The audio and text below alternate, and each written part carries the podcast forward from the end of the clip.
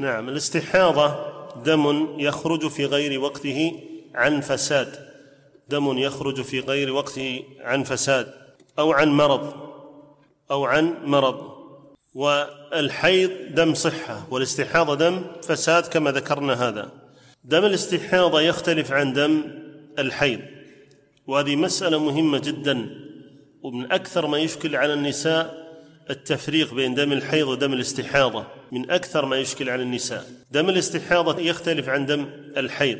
وكما جاء عن النسائي في السنن الصغرى عن فاطمة بنت أبي حبيش أنها كانت تستحاض فقال النبي صلى الله عليه وسلم إذا كان دم الحيض فإنه دم أسود يعرف أو يعرف على ضبطين.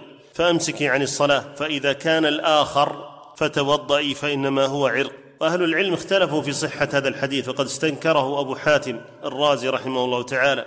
لأنه من رواية محمد بن عمرو ومحمد بن عمرو من من رجال الصحيح وإن كانت له غرائب. وبعض أهل العلم بالمناسبة قد يطلق النكاره ويريد بها التفرد الذي قد لا يحتمل مثله.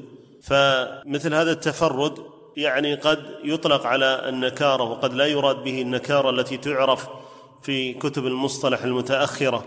وعلى كل حال الحديث صححه ابن حبان وابن حزم والنووي قال آه، ابن القيم وأعله غيرهم بما لا يقدح.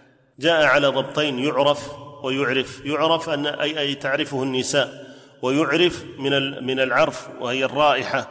ودم الاستحاضه له يعني رائحته ليست كرائحة دم الحيض. فلونه أقل إما من جهة السواد وإما من جهة الحمرة. وهنا أذكر أمر مهم. الفقهاء عليهم رحمة الله تعالى تكلموا عن ألوان دم الحيض.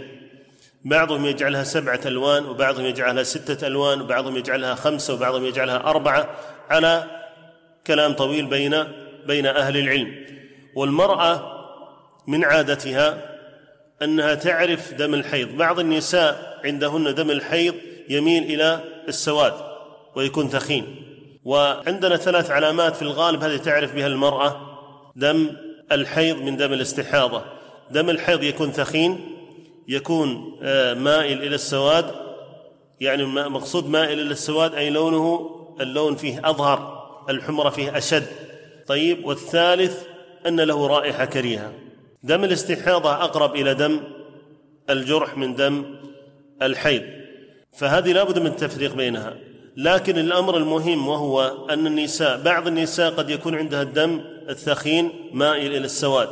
بعض النساء عندها الدم الثخين مائل إلى الحمرة الشديدة. بعض النساء عندها الدم مائل إلى الحمرة يعني المتوسطة. وبعضهم الدم مائل إلى ما يسمى بالتربة يعني اللون الترابي. هذا كله يختلف. لكن دم الاستحاضة أقل. دائما يكون أقل عند المرأة. دم الاستحاضة غالبا يكون أقل. وهذا تعرفه التي تميز دم الحيض والذي ينبغي على المرأة أن تعرف عادتها من جهة الأيام وأن تعرف عادتها من جهة صفة دم الحيض الذي عندها. من جهة الأيام من جهة صفة الحيض. بعض النساء ذكرنا أن الحيض عندها قد ينتظم بصورة معينة. بعض النساء عندها الحيض يشتد في يوم ثم يخف ثم يشتد ثم يخف. بعضها قد يشتد طوال الفترة ويخف في أوقات معينة بعضهن ينقطع عندها سويعات يسيرة ثم يرجع. المرأة ينبغي عليها أن تعرف عادتها في في الحيض والله أعلم. وقالت أفأدع الصلاة؟ قال النبي صلى الله عليه وسلم لا إنما ذلك عرق إنما ذلك عرق. وهذا العرق يسميه أهل العلم بالعادل والله أعلم.